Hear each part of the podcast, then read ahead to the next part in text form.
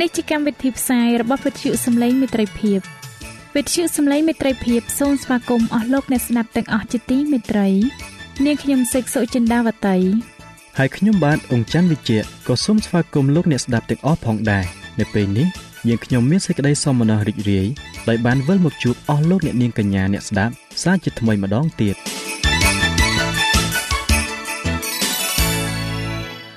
នាងខ្ញុំសេកសុចិន្តាវតី សូមជម្រាបជូនកម្មវិធីផ្សាយដែលមានជាបន្តបន្ទាប់ដូចតទៅនេតិបទទំនាយនិងប្រវត្តិសាស្ត្រនេតិស្ពានជីវិត ចា៎លោកអ្នកស្ដាប់ជាទីមេត្រី នាងខ្ញុំសូមគោរពអញ្ជើញអស់លោកលោកស្រី អ្នកនាងកញ្ញាតាមដានស្ដាប់កម្មវិធីផ្សាយរបស់វិទ្យុយើងខ្ញុំដូចតទៅ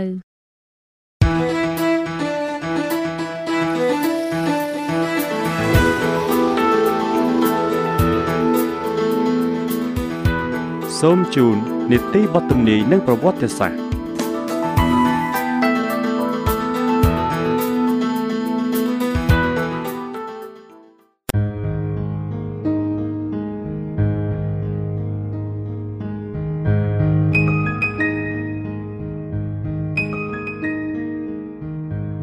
ខ្ញុំបាទសូមជម្រាបសួរដល់អស់លោកលោកស្រីនិងប្រិយមិត្តអ្នកស្ដាប់វិទ្យុសំឡេងមិត្តភាពជាទីមេត្រី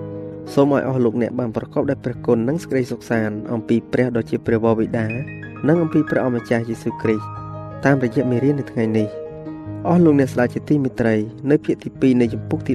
19ដែលមានចំណងជើងថាពន្លឺរះឡើងនៅក្នុងភាពងងឹតនេះលោកអ្នកនឹងបានស្ដាប់ថែមទៀតពីសេចក្តីអស់សង្ឃឹមរបស់ពួកគេខ្លាយជាមានសង្ឃឹមឡើងវិញបាទដើម្បីឲ្យអស់លោកអ្នកបានស្ដាប់ជាបន្តទៅទៀតខ្ញុំបាទសូមគោរពអញ្ជើញអស់លោកអ្នកនាងតាមដានស្ដាប់ នៅចម្ពោះទី19ភាគទី2ជាភាគបញ្ចប់ដូចតទៅអស់លោកអ្នកស្ដេចជាទីមេត្រីអ្វីដែលពោពេញទៅដោយសុភាវិរិឆ័យជាងពេលណាណាទាំងអស់នោះគឺពួកសិស្សបានរកឃើញព្រះអង្គដែលលោកម៉ូសេបានចែងទុកអំពីទ្រង់នៅក្នុងក្រឹត្យវិន័យហើយពួកហោរាក៏បានទាញអំពីទ្រង់ផងដែរភាពមិនច្បាស់លាស់ភាពអស់សង្ឃឹមបែរជាមានសង្ឃឹមទុកចិត្តនិងមានជំនឿដ៏ឥតស្រពិចស្រពិលវិញពួកគេបានឆ្លងផុតគ្រាទុកព្រួយដ៏ធំធេង ដែលពួកគេបានពិសោធន៍ហើយបានឃើញពីរបៀបដែលព្រះបន្ទូលនៃព្រះបានសម្រេចជាស្ថាពរផង ពីនេះតទៅមុខតើមានអ្វីអាចនឹងធ្វើឲ្យស្រអាប់ជំនឿរបស់ពួកគេបានទៀតក្នុងគ្រាមានទុកព្រួយយ៉ាងខ្លាំងពួកគេមានសេចក្តីកម្លាចចិត្តឡើងជាខ្លាំងដែរជាសេចក្តីសង្ឃឹមដែលទុកដូចជាយុទ្ធការនៃប្រលឹងដ៏ជាប់លាប់មមមួនព្រះគម្ពីរហេព្រើរចំពុកទី6ខ18និងខ19ព្រះអម្ចាស់បានមានបន្ទូលថារះអញ នឹងមិនត្រូវមានសេចក្តីខ្មាស់ទៀតឡើយទឹកភ្នែកនឹងមានជាប់នៅអស់មួយយប់តែព្រឹកឡើងគោនឹងមានសេចក្តីអំណរឡើងព្រះគម្ពីរយូអាចំពុកទី2ខ26ព្រះគម្ពីរទំនុកនឹងកាងចំពុកទី30ខ5នៅថ្ងៃព្រះអង្គមានប្រជញ្ញរស់ឡើងវិញពួកសិស្សទាំងនេះបានជួបទ្រង់ចិត្តរបស់ពួកគេក៏ឆេះឈួលឡើងហើយបានស្ដាប់ទ្រង់មានបន្ទូល នៅពេលមុនទ្រង់យាងឡើងទៅស្ថានសួគ៌វិញព្រះយេស៊ូវបានផ្ដាំដល់ពួកសិស្សថាចូលអ្នករាល់គ្នា ទៅពេញសពនៅក្នុងលោកីទាំងមូលហើយផ្សាយនឹងល្អទូទៅ ដល់គ្រប់មនុស្សទាំងអស់ចុះទ្រង់បានបន្ថែមទៀតថាមើលខ្ញុំនឹងនៅជាមួយអ្នករាល់គ្នា ជាដរាបដែរនៅថ្ងៃបុណ្យទី50ព្រះអង្គដ៏ជាអ្នកកំសាន្តចិត្តបានសន្យាថានឹងប្រទានមកនោះបានយាងចុះមកហើយពួកអ្នកជឿក៏បានរំភើបចិត្តឡើងដោយដឹងថាព្រះអម្ចាស់របស់ខ្លួន ដែលបានយាងទៅលើហើយនោះ មានវត្តមាននៅជាមួយពួកគេ ប្រិយមិត្តអ្នកស្ដាប់វិទ្យុសំឡេងមិត្តភាពជាទីមេត្រីជាបន្តទៅទៀតសូមអរលោកអ្នកស្ដាប់អំពីចំណុចមួយទៀតដែលនិយាយអំពីដំណឹងរបស់ពួកសិស្សប្រៀបធៀបទៅនឹងព្រះរាជសារនាឆ្នាំ1844តើមានអ្វីកើតឡើងនៅឆ្នាំ1844នោះបាទតាមបទពិសោធន៍របស់ពួកសិស្សនៅពេលព្រះគ្រីស្ទយាងមកជាលើកទី1គឺស្រដៀងគ្នាទៅនឹងបទពិសោធន៍របស់ពួកអ្នកដែលប្រកាសផ្សាយអំពីដំណើរយាងមកជាលើកទី2របស់ព្រះអង្គដែរ ដោយដែលពួកសិស្សបានអធិប្បាយផ្សាយថាពេលវេលាបានសម្រេចនគរព្រះចិត្តដល់ហើយលោក William Miller និងគូកនគាត់ក៏បានប្រកាសដែរថារយៈកាលតាមបទទំនេរនៅក្នុងព្រះគម្ពីរហៀបនឹងផុតកំណត់ហើយថាសេចក្តីជំនុំជម្រះក៏ជិតមកដល់ហើយថានគរដ៏ស្ថិតស្ថេរនៅអស់កលជនិតក៏បានរៀបចំរួចស្រេចហើយដែរសេចក្តីអធិប្បាយរបស់ពួកសិស្សដែលអាស្រ័យទៅនឹងពេលវេលា គឺត្រូវបានតាំងនៅលើ70អាទិត្យ នៃបទគម្ពីរដានីយ៉ែលចំពុកទី9ព្រះរាជសារដែលត្រូវបានផ្សាយដោយលោក William Miller និងសហការីរបស់គាត់ បានប្រកាសផ្សាយអំពីការបញ្ចប់នៃរយៈពេល2300ថ្ងៃនៅក្នុងព្រះគម្ពីរដានីយ៉ែលចំពុកទី8ខ14ដែល70អាទិត្យនោះគ្រាន់តែជាផ្នែកមួយប៉ុណ្ណោះសេចក្តីអធិប្បាយនីមួយៗបានអាស្រ័យទៅលើការសម្រេចនៃផ្នែកផ្សេងផ្សេងនៃរយៈកាលតាមបទធម្មាដដែលនោះឯងដូចគ្នាទៅនឹងពួកសិស្ស នៅគ្រាដំបូងដែរលោក William Miller និងក្រុមការងាររបស់គាត់ពុំបានយល់សពគ្រប់នៅព្រះរាជសារដែលពួកគេបានទទួលនោះទេ ការខុសឆ្គងដែលបានស្ថាបនាឡើងនៅក្នុងព្រះវិហារជាយូរហើយនោះ បានបង្ការមិនឲ្យគេបកស្រាយត្រឹមត្រូវនៅចំណុចសំខាន់សំខាន់នៅក្នុងបទធម្មាឡើយម្ល៉េះហើយទោះបីជាពួកគេបានប្រកាសផ្សាយព្រះរាជសារដែលព្រះបានផ្ទុកផ្ដាក់ដល់ខ្លួនហើយក៏ដោយក៏ពួកគេ នៅតែមានការខកចិត្ត ដ៏ឥតគណនាដែរដោយសារតែការយល់ខុសអត្ថន័យលោក William Miller បានប្រកាសយកទស្សនៈទូទៅ ដែលថាផែនដីជាទីបរិសុទ្ធហើយគាត់បានជឿថាការសម្អាតទីបរិសុទ្ធជានិមិត្តរូបនៃការសម្អាតផែនដី ដោយភ្លើងនៅពេលដែលព្រះអង្គយាងមកម្លោះហើយគាត់បានសន្និដ្ឋានថាទីបញ្ចប់នៃរយៈពេល2300ថ្ងៃ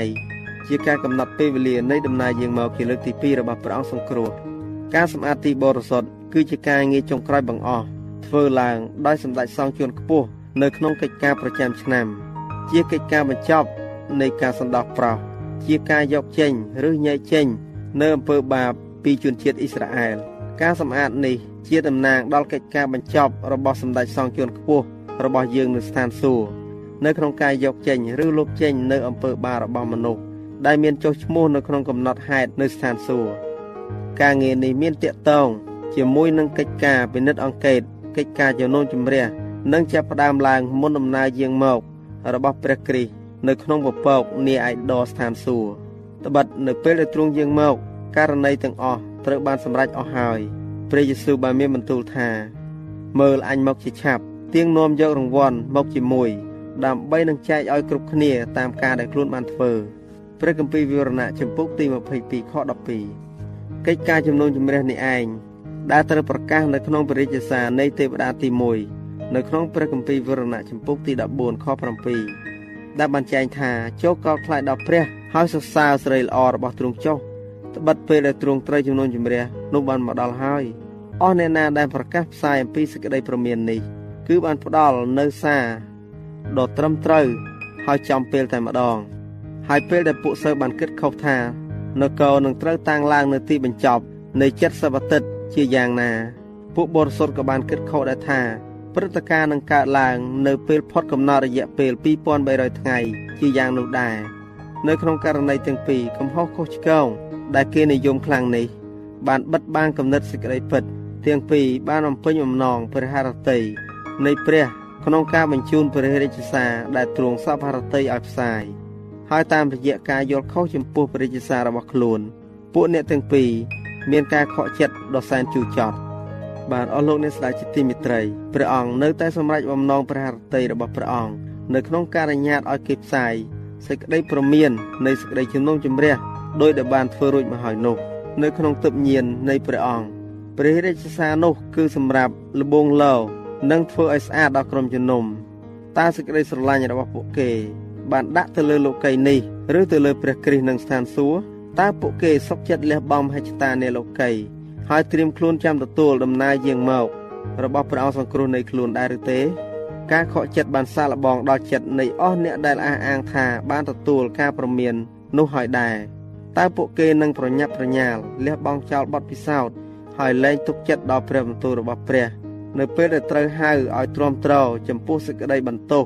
នៃលោកីនិងការសាកល្បងនៃការពន្យាពេល ហើយនឹងការខកចិត្តនោះឬយ៉ាងណា ដោយព្រោះពួកគេពុំយល់ភ្លាមភ្លាមនៅសេចក្តីប្រព្រឹត្តរបស់ព្រះតើពួកគេនឹងបោះចោលនៅសេចក្តីពិតទាំងឡាយ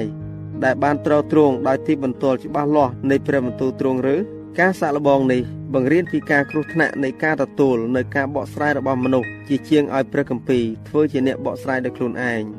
ពួកកូនចៅនៃជំនឿត្រូវបាននាំឲ្យរៀនព្រះបន្ទូលរិទ្ធចិត្តដិត ឲ្យពិនិត្យអង្កេតបានព្រឹកព្រៀនថែមទៀតនៅមូលដ្ឋាននៃសេចក្តីជំនឿរបស់ខ្លួនហើយឲ្យបដិសេធគ្រប់ទាំងអ្វីអ្វីដែលពុំមានឃើញនៅក្នុងបទគម្ពីរទោះជាបានទទួលជាទូទៅដោយពិភពគ្រីស្ទានប៉ុណ្ណាក៏ដោយអ្វីដែលហាក់ដូចជាងងឹតពិបាកយល់នៅក្នុងគ្រាវេទនានឹងបានឃើញច្បាស់វិញនៅពេលក្រោយអ្វីបើមានសេចក្តីទង្គឹសចិត្តដែលជាលទ្ធផលនៃអំពើខុសឆ្គងរបស់ខ្លួនក៏ដោយក៏ពួកគេបានរៀនសូត្រដោយពិសោធន៍ដ៏មានពរ ថាព្រះជាម្ចាស់ទ្រង់មានព្រះハរតីមេត្តាករុណា និងសេចក្តីអាណិតអាសូរដ៏ពោពេញដែរថាអស់ទាំងផ្លូវរបស់ទ្រង់សុទ្ធតែប្រកបដោយសេចក្តីសប្បុរសនិងសេចក្តីពិត ចំពោះអស់អ្នកណាដែលកាន់តាមសេចក្តីសញ្ញា និងសេចក្តីបន្ទាល់របស់ទ្រង់ព្រះគម្ពីរយ៉ាកុបចំពុកទី5ខ11ព្រះគម្ពីរដំណុកដង្កើងចំពុកទី25ខ10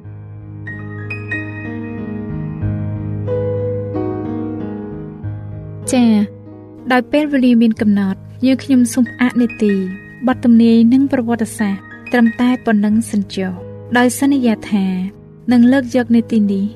មកជម្រាបជូនជាបន្តទៀតនៅថ្ងៃអង្គារសប្តាហ៍ក្រោយ សូមអរគុណ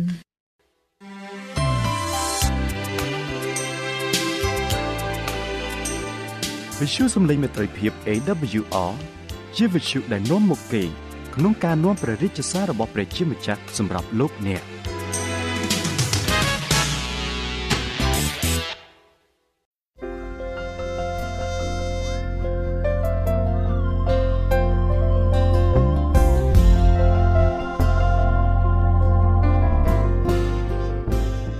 ខ្ញុំបាទសូមជម្រាបសួរអស់លោកអ្នកស្ដាប់ជាទីមេត្រីសូមឲ្យអស់លោកអ្នកនាងបានប្រកបដោយព្រះគុណនិងសេចក្តីសុខសាន្ត ពីព្រះវរបិតានៃយើងក៏ដូចជាព្រះអម្ចាស់យេស៊ូវគ្រីស្ទខ្ញុំបាទមានអំណរណាស់ដែលបានវិលមកជួបលោកអ្នកនាងសាជាថ្មី ក្នុងនីតិស្ពានជីវិតនេះ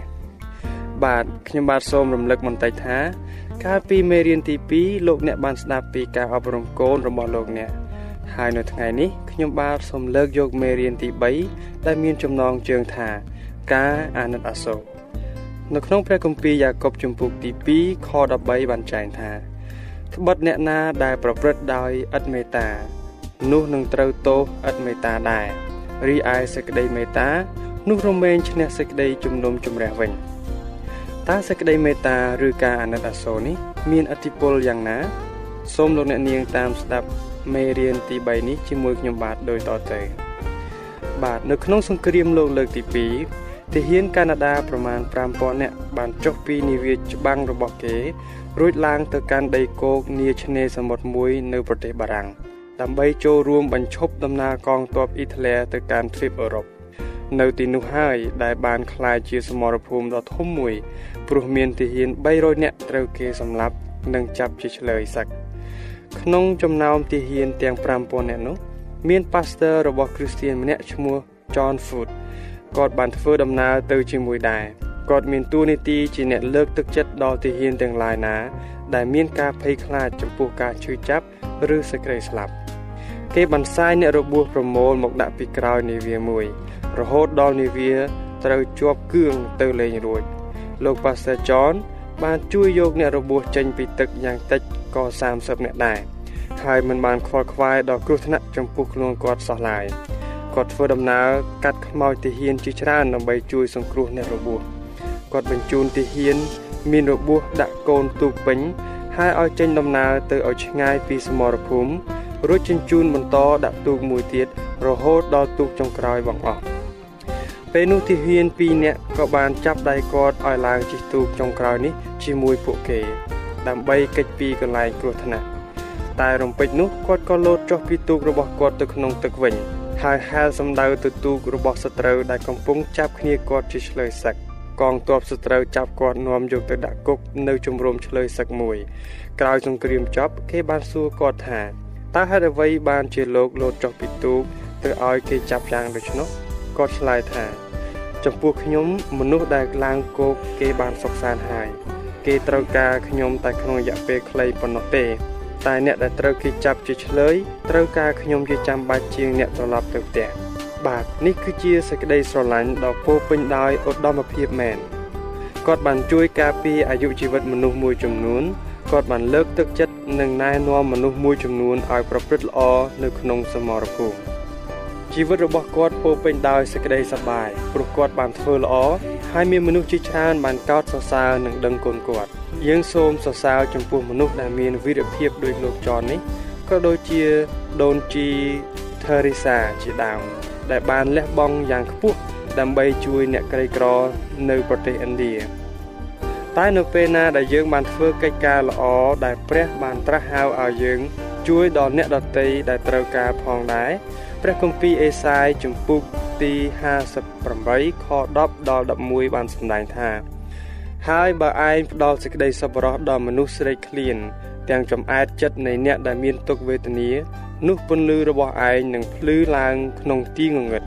ហើយសេចក្តីងងឹតរបស់ឯងនឹងបានភ្លឺដូចជាវេលាថ្ងៃត្រង់ព្រះយេហូវ៉ាទ្រង់នឹងនាំផ្លូវឯងជានិច្ចហើយនឹងចំអែតប្រលឹងឯងក្នុងទីហួតហែងទ្រង់នឹងធ្វើឲ្យឆ្អឹងឯងបានមាំមួនឯងនឹងបានដូចជាសួនច្បារដែលគេស្រោចទឹក ហើយដូចជាក្បាលទឹកដែលមិនខានហូរឡើយបាទគឺមានន័យថា ព្រះទ្រង់ប្រទានពរជាច្រើន ជាផលចំណេញដល់យើងវិញ បើយើងយកចិត្តទុកដាក់ជួយអ្នកដែលកំពុងត្រូវការរីឯព្រះគម្ពីរសុភាសិតចំពោះទី19ខ17បានចែងថា អ្នកណាដែលមានចិត្តអាណិតចែកដល់ពួកទល់ក្រនោះឈ្មោះថាថ្វាយឲ្យព្រះយេហូវ៉ាខ្ចីទ្រង់នឹងតបស្នងសងគុណអ្នកនោះវិញបាទជាបន្តទៅទៀតសូមលោកអ្នកនាងស្ដាប់នៅចំណុចទី1ដែលនិយាយពីការធ្វើពលិកម្មដោយក្តីអាណិតអាសូរ នៅក្នុងប្រទេសកម្ពុជាយើង មានមនុស្សជាច្រើន ដែលបានបរិច្ចាគប្រកាសឬធនធានដើម្បីជួយអ្នកដទៃនេះតែអ្នកខ្លះគេធ្វើទានដើម្បីចង់ឲ្យទេវតាឬព្រះដែលគេគោរពជួយដល់ពួកគេវិញអ្នកខ្លះទៀតបានយកអំណោយដែលមានតម្លៃឲ្យដល់អ្នកដទៃដោយរំពឹងថាពួកគេនឹងជួយដល់ខ្លួនវិញវាជាការត្រឹមត្រូវណាស់ព្រោះបើយើងជួយគេ គេនឹងជួយយើងវិញ ដូចជាបើយើងឲ្យម្ហូបអាហារដល់គេ គេនឹងឲ្យយើងវិញ ឬបើយើងរាប់អានគេ គេនឹងរាប់អានយើងត្រឡប់មកវិញបើយើងពិនិត្យមើលសត្វគោនិងសារិកាកែវក៏វាចេះជួយគ្នាទៅវិញទៅមកដែរគឺនៅពេលគោស៊ីស្មៅសារិកាដើរតាមស៊ីសត្វល្អិតដើរខាំគោគោក៏បង្អើលសត្វល្អិតឲ្យសារិកាស៊ីវិញតែមានមនុស្សខ្លះហាក់ដូចជាមានការចង្អៀតចង្អល់ណាស់ក្នុងការជួយដល់អ្នកដទៃនេះ នោះជាគំនិតមួយដែលមិនល្អឡើយ ព្រោះមានសុភាសិតខ្មែរមួយ បានលើកទឹកចិត្តអ្នកសប្បុរសនេះថាចិត្តល្អក្រមិនយូរហើយអ្នកដែលជឿលើព្រះយេស៊ូវបានដឹងថាការឲ្យនិងការជួយដល់អ្នកដទៃគឺជាលក្ខណៈសម្គាល់របស់គ្រីស្ទានពិតប្រាកដហើយពួកគេតែតែទទួលព្រះពរពីព្រះដោយសារតែការឲ្យនិងជួយដល់អ្នកដទៃនេះព្រះគម្ពីរកិច្ចការជំពូក20ខ35បានចែងថាដែលឲ្យនោះបានពរជាជាងទទួល បាទនៅជុំវិញខ្លួនយើងពោពេញទៅដោយមនុស្សមានទុក្ខព្រួយ មានអ្នកខ្លះពិការដោយសារសង្គ្រាមពិការពីកំណើតឬដោយជំងឺក្តី មានស្រីមេម៉ាយនិងមានកុមារកំព្រាលៈតើលោកអ្នកបានជួយគេហើយឬនៅព្រះគម្ពីរយ៉ាកុបជំពូកទី1ខ27បានសម្ដែងថាឯសាសនាដែលបរិសុទ្ធហើយឥតសៅមងនៅចំពោះព្រះដ៏ជាព្រះវរបិតានោះគឺឲ្យទៅសួរសុខទុក្ខពួកកំព្រា និងពួកមេម៉ាយក្នុងការដែលគេមានសេចក្តីវេទនាការនេះសំខាន់ណាស់ព្រោះមានម្ដងនោះព្រះយេស៊ូវមានបន្ទូលថា នៅពេលដែលព្រះអង្គយាងមកវិញដើម្បីជំនុំជម្រះលោកីជាគ្រាចុងក្រោយបំផុតនោះទ្រង់នឹងចែកមនុស្សល្អនិងមនុស្សអាក្រក់ទៅតាមអំពើដែលគេបានប្រព្រឹត្តទៅលើអ្នកក្រដូចជាការញែកពពែចេញពីជាមដែរអ្នកណាដែលបានជួយដល់អ្នកក្រីក្រទ្រង់នឹងទទួលស្វាគមន៍ពួកគេនៅឯនគរឋានសួគ៌ តែអស់អ្នកដែលមិនបានធ្វើការនោះវិញទ្រង់មានបន្ទូលទៅកាន់អ្នកទាំងនោះថាចូលថយពីអញចេញទៅក្នុងភ្លើងដែលឆេះអកលជានិច្ចដែលបានរៀបចំទុកសម្រាប់អារក្សហើយនឹងទេវតារបស់វាវិញពីព្រោះអញបានឃ្លាន តែឯងរាល់គ្នាមិនបានឲ្យបរិភោគទេអញបានស្រេកតែឯងរាល់គ្នាមិនបានឲ្យផឹកទេអញជាអ្នកដតីតែឯងអ្នករាល់គ្នាមិនបានទទួលសោះអញនៅអាក្រាតតែឯងរាល់គ្នាមិនបានស្លៀកពាក់ឲ្យអញទេ អញក៏ឈឺហើយជាប់គុកតែឯងរាល់គ្នាមិនបានមកសួរសោះនោះទ្រង់នឹងមានបន្ទូលតបថាអញប្រាប់ឯងរាល់គ្នាជាប្រកាសថា ដែលមិនបានធ្វើការទាំងនោះដល់អ្នកយ៉ាងតូចបំផុតក្នុងពួកអ្នកទាំងនេះនោះឈ្មោះថាឯងមិនបានធ្វើដល់អញដែរបាទរឿងនេះដកស្រង់ចេញពីព្រះគម្ពីរម៉ាថាយជំពូក25ខ41រហូតដល់ខ45ក្នុងន័យនេះ ព្រះយេស៊ូវចាត់ទុកការជួយដល់អ្នកក្រីក្រលំបាកវេទនាថាជាការជួយដល់ទ្រង់ផ្ទាល់តើហេតុដូចម្តេចបានជាយ៉ាងដូច្នោះតើធ្លាប់មានអ្នកណានិយាយអាក្រក់ពីកូនស្រីលោកអ្នកឬទេតើមានអ្នកណាម្នាក់ធ្លាប់វាយធ្វើបាបកូនប្រុសអ្នកដោយអយុត្តិធម៌ឬទេបើមានតើអំពើទាំងនេះមានឥទ្ធិពលយ៉ាងណាដែរចំពោះលោកអ្នកដែលជាឪពុកម្ដាយលោកអ្នកពិតជាចាត់ទុកថាការដែលធ្វើទៅលើកូនលោកអ្នកក៏ដូចជាធ្វើចំពោះលោកអ្នកដែរ ចំណែកឯព្រះក៏ដូចនេះដែរយើងទាំងអស់គ្នាជាកូនទ្រង់ទ្រង់ស្គាល់យើងហើយស្រឡាញ់យើងបើអ្នកណាជួយយកអាសាឬធ្វើល្អមករកយើងទ្រង់សប្បាយនឹងសរសើរដល់អ្នកនោះតែបើអ្នកណាធ្វើទុកបៀតបៀនឬមិនយកចិត្តទុកដាក់ជួយដល់យើងជាកូនទ្រង់នោះទ្រង់ក៏ជ្រាបហើយមិនសពប្រតិចំពោះអ្នកនោះដែរហេតុនេះហើយបានជាពួកគ្រីស្ទៀនពិតប្រាកដមានការស្រវាស្រទិញក្នុងការជួយដល់អ្នកដទៃដែលមានសេចក្តីត្រូវការ ដោយព្រោះពួកគេស្រឡាញ់ព្រះយេស៊ូវព្រោះទ្រង់បានសគត់ដើម្បីសង្គ្រោះមនុស្សទាំងអស់ដែលជឿដូច្នេះការជួយដល់អ្នកដទៃមិនមែនក្នុងគោលបំណងឲ្យបានទៅកាន់ស្ថានសួគ៌នោះទេគឺគ្រាន់តែបំពេញបំណងប្រហាតីព្រះយេស៊ូវដែលជាអ្នកប្រទានស្ថានសួគ៌មកឲ្យយើងប៉ុណ្ណោះហើយព្រះរាជអំណោយដ៏ល្អទាំងឡាយចំពោះជីវិតថ្មីរបស់យើងធ្វើឲ្យយើងក្លាយជាអ្នកមានដែលអាចជួយដល់អ្នកដទៃបានទោះបីយើងរស់នៅក្នុងផ្ទះតូចយ៉ាងណាក៏ដោយ ក៏យើងមិនដឹងថាយើងមានគ្រប់គ្រាន់នូវសេចក្តីស្រឡាញ់សេចក្តីសុខសាន្តនិងសេចក្តីសប្បាយរីករាយក្នុងគ្រួសារជាពិសេសដំណឹងល្អពីព្រះយេស៊ូវដែលទ្រង់បានប្រទានជីវិតអស់កលដល់យើង សម្រាប់ចែកចាយដល់អ្នកដទៃហេតុនេះហើយបានជាលោក John Foot ដែលខ្ញុំបានបានលើកពីខាងដើមគឺលោកសុខចិត្តទទួលយកការជឿចាប់ដើម្បីជួយអ្នកដទៃដែលគេត្រូវការលោក បងប្អូនប្រជាជនខ្មែរយើងជាច្រើនមានបទពិសោធន៍ក្នុងការចែកចាយសេចក្តីស្រឡាញ់នេះនៅក្នុងគ្រួសាររបស់គេ នៅក្នុងសម័យអត់បាយមួយនៅប្រទេសកម្ពុជា មានក្មេងស្រីម្នាក់មានឈ្មោះថាមួងនាងបានធ្លាក់ខ្លួនមានជំងឺជាទម្ងន់នាងត្រូវបានគេតម្រូវឲ្យធ្វើការរហូតដើរលេងរួច នៅសម័យនោះមនុស្សម្នាក់ទទួលបានរបបអាហារបាយមួយពេល តែមួយវែកហើយក្នុងមួយថ្ងៃតែពីរពេលតែប៉ុណ្ណោះ ដោយឃើញប្អូនស្រីខ្លួនមានសភាពដុនដាបយ៉ាងនេះ បងប្រុសរបស់នាងមួងសុកចិត្តឲ្យរបបខ្លួនទៅប្អូន ដោយខ្លួនឯងសុកចិត្តរកបេះស្លឹកឈើបរិភោគជំនួសវិញ នាងក៏មានកម្លាំងបន្តិចម្ដងបន្តិចម្ដងរហូតបានជាស្រឡះតែបងប្រុសរបស់នាងកាន់តែខ្សោយទៅខ្សោយទៅ តែពីអាទិត្យក្រោយ បន្ទាប់ពីប្អូនស្រីគាត់ចាប់ផ្ដើមធ្វើការបានមកវិញគាត់ក៏ត្រូវស្លាប់ដោយខ្វះជាតិបាយបាទ នេះគឺជាការជួយគ្រួសារដោយសេចក្តីស្រឡាញ់យ៉ាងធំធេង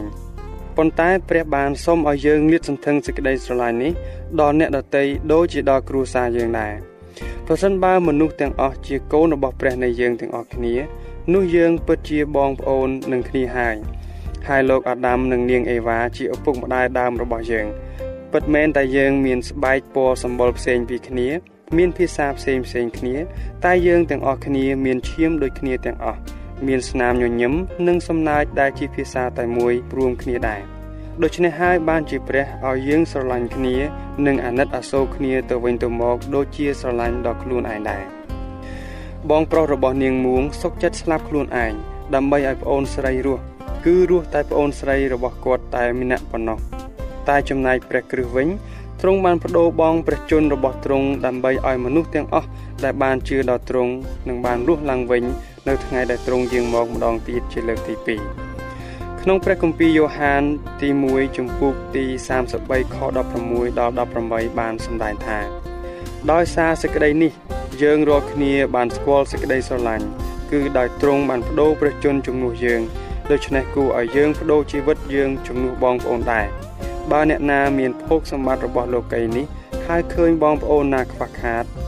តែមិនចេះអាណិតមេត្តាសោះនោះធ្វើដោយម្ដេចឲ្យសេចក្តីស្រឡាញ់នៃព្រះ មានស្ថិតនៅក្នុងអ្នកនោះបាន ពួកកូនតូចតូចអើយយើងមិនត្រូវស្រឡាញ់តែពាក្យសម្ដីឬដោយបបោមាត់ប៉ុណ្ណោះឡើយគឺដោយការប្រព្រឹត្តនិងសេចក្តីពិតវិញបាទដូច្នេះព្រះចង់ឲ្យយើងចេះស្រឡាញ់ដល់អ្នកដទៃ ដូចជាព្រះយេស៊ូវស្រឡាញ់យើងដែរនេះគឺជាសេចក្តីស្រឡាញ់ដ៏ធំធេងដែលយើងត្រូវតែទាមទារឲ្យបាន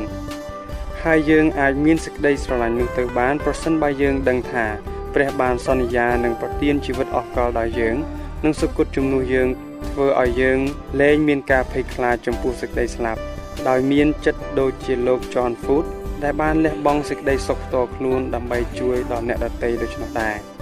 ជាទូទៅយើងតែងលះបង់ចំណីអាហារសម្លៀកបំពាក់និងប្រាក់កាសដើម្បីជួយដល់អ្នកដទៃប៉ុន្តែព្រះយេស៊ូវបានបង្រៀនឲ្យយើងជួយដល់អ្នកដទៃដោយហ៊ានលះបង់ខ្លួនឯងទៀតផងបាទអស់លោកអ្នកស្ដាប់ជាទីមេត្រី ពេលវេលានៃនីតិស្ពានជីវិតរបស់យើង បានមកដល់ទីបញ្ចប់ហើយខ្ញុំបាទនឹងវិលមកជួបលោកអ្នកនាងម្ដងទៀតនៅក្នុងនីតិរបស់យើងលើកក្រោយដោយនឹងនាំយកនៅភាគ2នៃមេរៀនដដែលនេះ មកជូនលោកអ្នកនាងស្ដាប់បន្តទៀត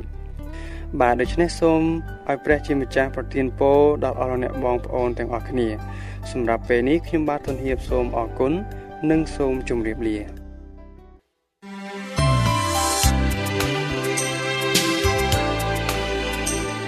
វិទ្យុសំឡេងមេត្រីភាព AWR មានផ្សាយពីរដងក្នុងមួយថ្ងៃគឺព្រឹកនៅម៉ោង6និងពេលយប់នៅម៉ោង8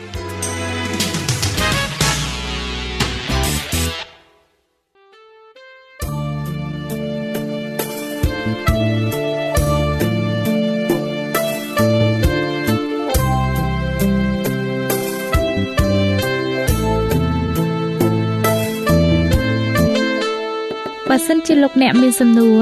ឬសំណុំពរអ្វីសូមតាក់ទងមកការិយាល័យវិទ្យុយើងខ្ញុំ តាមអាស័យដ្ឋានផ្ទះលេខ15ផ្លូវលេខ568សង្កាត់បឹងកក់2ខណ្ឌទួលគោករាជធានីភ្នំពេញលោកអ្នកក៏អាចសរសេរសម្បត្តិផ្ញើមកយើងខ្ញុំ តាមរយៈប្រអប់សម្បត្តិលេខ488ភ្នំពេញឬតាមទូរស័ព្ទលេខ012 34 96 64ឬ097 80 81 060ឬក៏តាមរយៈអ៊ីមែល vol@awr.org យើងខ្ញុំរងចាំទទួលស្វាគមន៍អស់លោកអ្នកនាងដោយក្តីសោមនស្សរីករាយហើយលោកអ្នកក៏អាចស្ដាប់កម្មវិធីនេះឡើងវិញដោយចូលទៅកាន់ website របស់វិទ្យុយើងខ្ញុំតាមរយៈអាស័យដ្ឋាន www.awr.org